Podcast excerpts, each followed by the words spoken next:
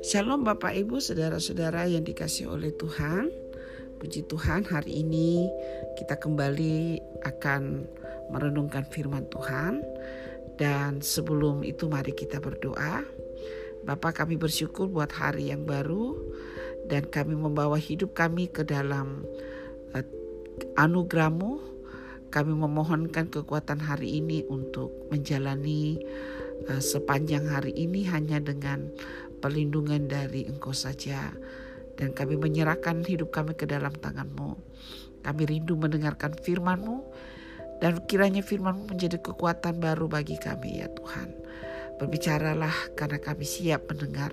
Di dalam nama Yesus kami berdoa. Amin. Bapak ibu saudara-saudara yang dikasih oleh Tuhan. Renungan kita hari ini tiba kepada Yesaya pasal 37 dan merupakan kelanjutan apa yang terjadi dalam Yesaya pasal 36 di mana kerajaan Yehuda atau kerajaan Israel Selatan ini berada pada ancaman yang sama seperti telah dialami oleh kerajaan utara kurang lebih 100 eh, tahun sebelumnya ketika mereka itu dibawa ke pembuangan oleh kerajaan Asyur yang sedang bangkit menguasai uh, dunia pada saat itu. Dan oleh karena anugerah Tuhan, bangsa Israel Selatan atau kerajaan Yehuda itu diluputkan dari Raja Asyur sampai uh, uh, kurang lebih satu 150 tahun kemudian mereka masih tetap berdiri sebagai kerajaan. Namun pada waktu Raja Hizkia memerintah uh, kekaisaran Asyur ini bertambah kuat dan mereka bertekad untuk menaklukkan setiap bangsa yang mereka lewati. Dan mereka memperhatikan bahwa kerajaan Yehuda masih uh, belum bisa ditaklukkan sehingga mereka uh, melakukan penaklukan dan uh, dalam situasi seperti inilah kerajaan Yehuda itu berada pada situasi kritis di mana mereka terkepung. Dan sepertinya tidak ada pertolongan dan waktu Raja Hizkia ya mendengarkan dan melihat kenyataan bahwa mereka berada pada titik yang sangat kritis seperti uh, telur di uh, ujung tanduk. Mereka terkepung dan tidak ada pertolongan, tidak ada koalisi dari uh, politik atau militer dari kerajaan lain yang bisa meluputkan mereka dan Raja Hizkia sebagai pemimpin kemudian memberikan sebuah ekspresi uh, untuk mencari pertolongan. Dan di dalam ayat 1 dikatakan segera sesudah Raja Hizkia mendengar itu dikoyakkannya lah pakaiannya dan diselubunginya lah badannya dengan kain kabung lalu masuk ia ke rumah Tuhan. Bapak Ibu Raja Hizkia tahu bahwa tidak ada pertolongan bagi dia dari uh, segala apa yang dia lihat. Dia tahu bahwa nasib mereka akan sama seperti Israel Utara. Mereka akan menjadi tawanan, mereka akan dibawa ke pembuangan. Itu sebabnya Raja Hizkia melakukan sebuah tindakan yang dimungkinkan oleh karena dia mempercayai Tuhan. Dan dia tahu satu-satunya pengharapan yang mungkin bagi mereka untuk luput dari eh, pengepungan ini, untuk luput dari ancaman menjadi bangsa yang ditawan dan dibuang ke Asyur hanya Tuhan. Dia mengambil sebuah sikap yang menunjukkan kerendahan hati untuk mengakui kebutuhan akan Tuhan. Dan uh, Bapak Ibu Saudara-saudara dikasih oleh Tuhan Kekuatan yang pertama atau jawaban doa yang pertama yang diberikan kepada Raja Hizkia dari Tuhan adalah melalui uh, Nabi Yesaya bin Amos. Dalam ayat 3 ya, berkatalah mereka kepadanya Beginilah kata Hizkia, hari ini hari kesesakan, hari hukuman dan penistaan, sebab sudah datang waktunya untuk melahirkan anak, tetapi tidak ada kekuatan untuk melahirkannya.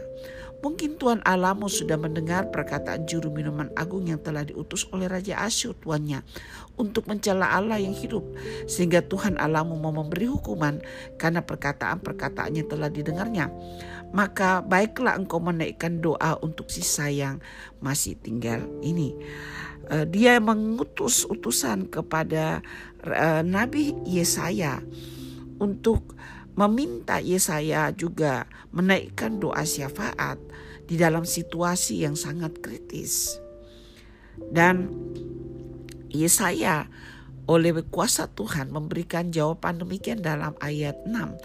Beginilah kamu katakan kepada Tuhanmu, beginilah firman Tuhan, Janganlah engkau takut terhadap perkataan yang kau dengar yang telah diucapkan oleh budak-budak Raja Asyur untuk menghujat aku.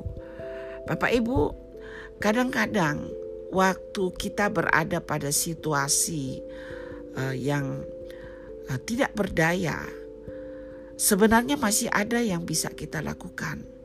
Tapi melihat situasi, lalu mungkin mendengarkan perkataan-perkataan dari orang di sekeliling kita, kita menjadi begitu gentar, kita berputus asa.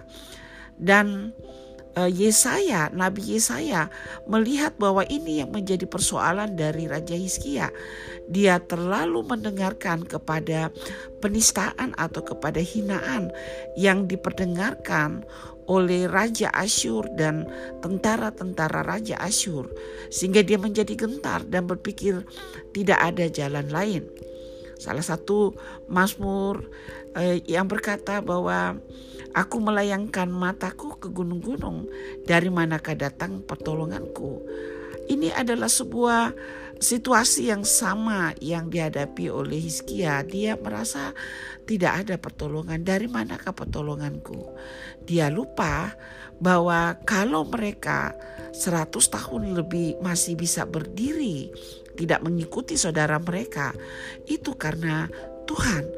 Karena di Yehuda masih ada raja-raja yang setia kepada Tuhan, yang takut kepada Tuhan, termasuk Raja Hizkia.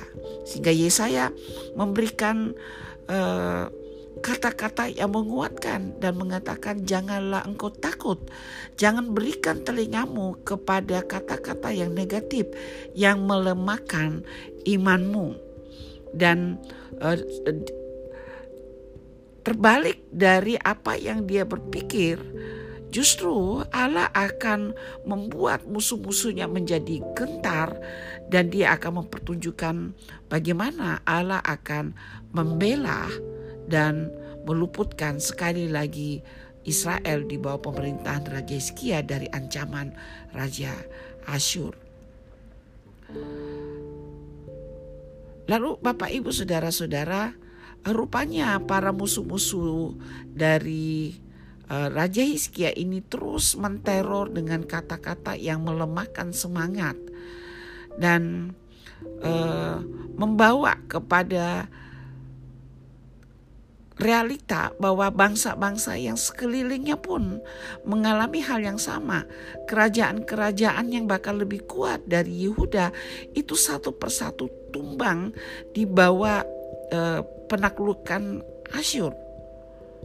Dan eh, Hizkia melakukan sebuah tindakan dia mempercayai firman Tuhan yang datang melalui Nabi Yesaya untuk tidak takut, untuk tidak memberikan telinga kepada perkataan-perkataan yang melemahkan iman, tidak mengizinkan hatinya dipenuhi dengan pikiran-pikiran uh, yang melemahkan iman tersebut sehingga dia mengambil sebuah tindakan dia mempercayai itu dia mendengarkan itu lalu ayat 14 Ya, mari kita baca. Hizkia menerima surat itu dari tangan para utusan, lalu membacanya. Kemudian pergilah ia ke rumah Tuhan dan membentangkan surat itu di hadapan Tuhan. Hizkia berdoa di hadapan Tuhan katanya, Ya Tuhan semesta alam, Allah Israel yang bertahta di atas kerubim. Hanya engkau sendirilah Allah segala kerajaan di bumi. Engkaulah yang menjadikan langit dan bumi. Sendengkanlah telingamu ya Tuhan dan dengarlah.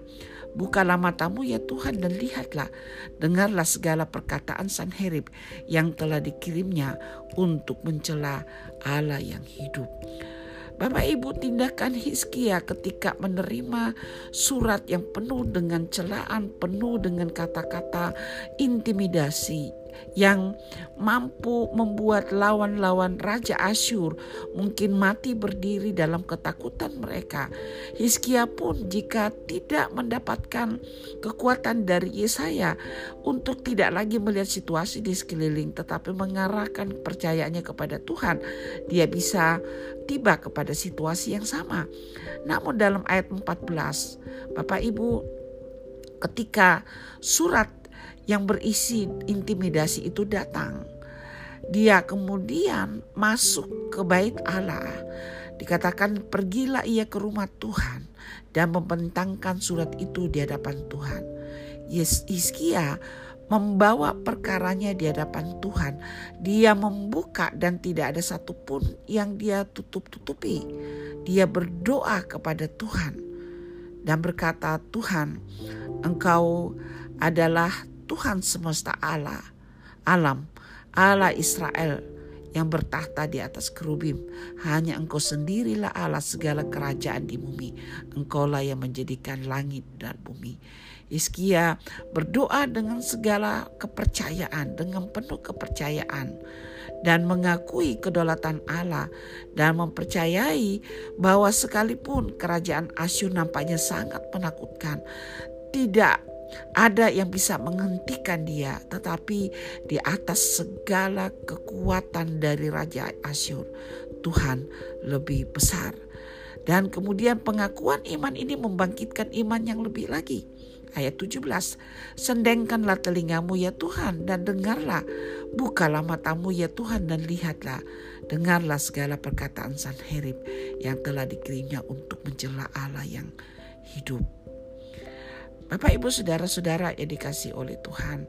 Satu hal yang kita bisa pelajari dari Raja Hizkia ini adalah kadang-kadang sebagai manusia kita tidak luput dari uh, situasi yang nampaknya tidak ada pengharapan. Kita seperti tersudutkan, kita tidak tahu apa yang harus kita perbuat. Kita berputus asa dan mungkin ingin menyerah. Tetapi Bapak Ibu firman Tuhan yang kita baca, firman Tuhan yang kita dengar itu bisa diingatkan kembali oleh Roh Kudus.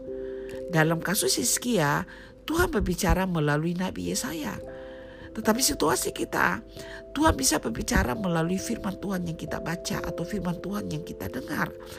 Dan waktu kita mendengarkan itu, satu hal yang kita harus lakukan adalah mempercayai Tuhan, mempercayai firman-Nya lebih daripada situasi yang ada.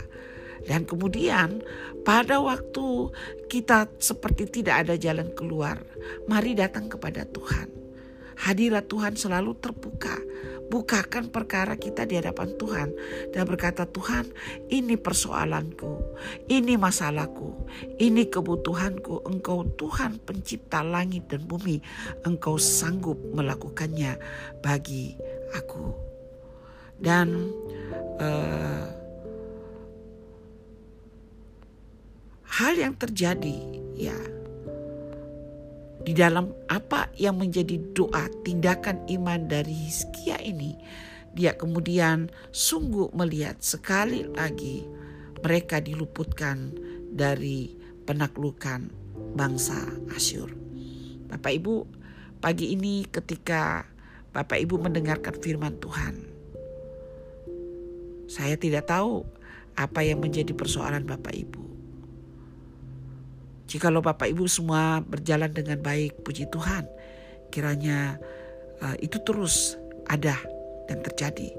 Namun jikalau saat pagi hari ini ketika engkau mendengarkan firman Tuhan, ada hal-hal yang secara manusia engkau tidak sanggup untuk menangani. Dan engkau mendengarkan mungkin bisikan-bisikan dari si jahat melalui orang atau dalam pikiranmu bahwa percuma untuk mempercayai Tuhan. Mari kita membuka pikiran kita bukan kepada perkataan seperti ini, tetapi kepada firman Tuhan tentang Allah yang luar biasa, yang setia kepada janjinya dan dia mendengarkan doa. Kita membentangkan segala persoalan, keluhan kita kepada Tuhan. Dan Tuhan akan menjawab, memberi kekuatan kepada kita. Saya berharap bahwa siapa pun Bapak Ibu yang mendengarkan hari ini akan mendapatkan kekuatan baru dari Tuhan. Tuhan memberkati. Mari kita berdoa. thank you